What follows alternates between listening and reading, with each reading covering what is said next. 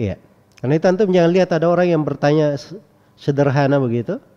Tapi bagi seorang alim ini bukan pertanyaan sembarangan. Itu bukan pertanyaan sembarangan. Itu menunjukkan kualitas seseorang. Menunjukkan kualitas seseorang. Kayaknya Imam Ahmad rahimahullah pernah ditanya oleh seorang perempuan.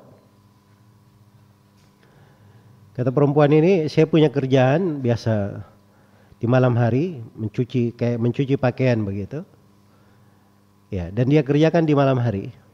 Dia biasanya memakai cahaya bulan untuk mencuci itu.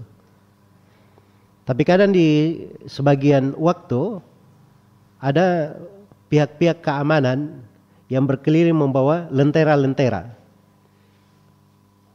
Kadang orang-orang keamanan yang disebut syurtoh ya di dalam bahasa Arabnya ini, mereka berdiri dekat rumahku dengan lenteranya. Akhirnya cahaya lentera itu masuk ke rumah saya. Dan saya bekerja, ya, mencuci pakai cahaya lentera itu. Apa hukum hal tersebut? Nah, ini bukan pertanyaan sembarangan ya. Pertanyaan menunjukkan wara, menunjukkan apa namanya? Orang yang paham kualitas amalan. Maka Imam Ahmad rahimahullah menjawab sekadar pertanyaan juga.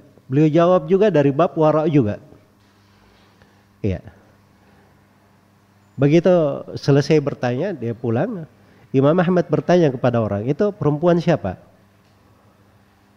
Maka ternyata dia adalah saudara perempuannya Bishir Al-Hafi.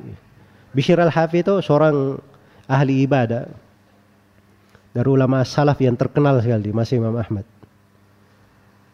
rahimahullah. Maka Imam Ahmad pun mendatangi rumah Bishir Al-Hafi untuk melamar saudara perempuannya, bukan untuk dirinya tapi untuk anaknya.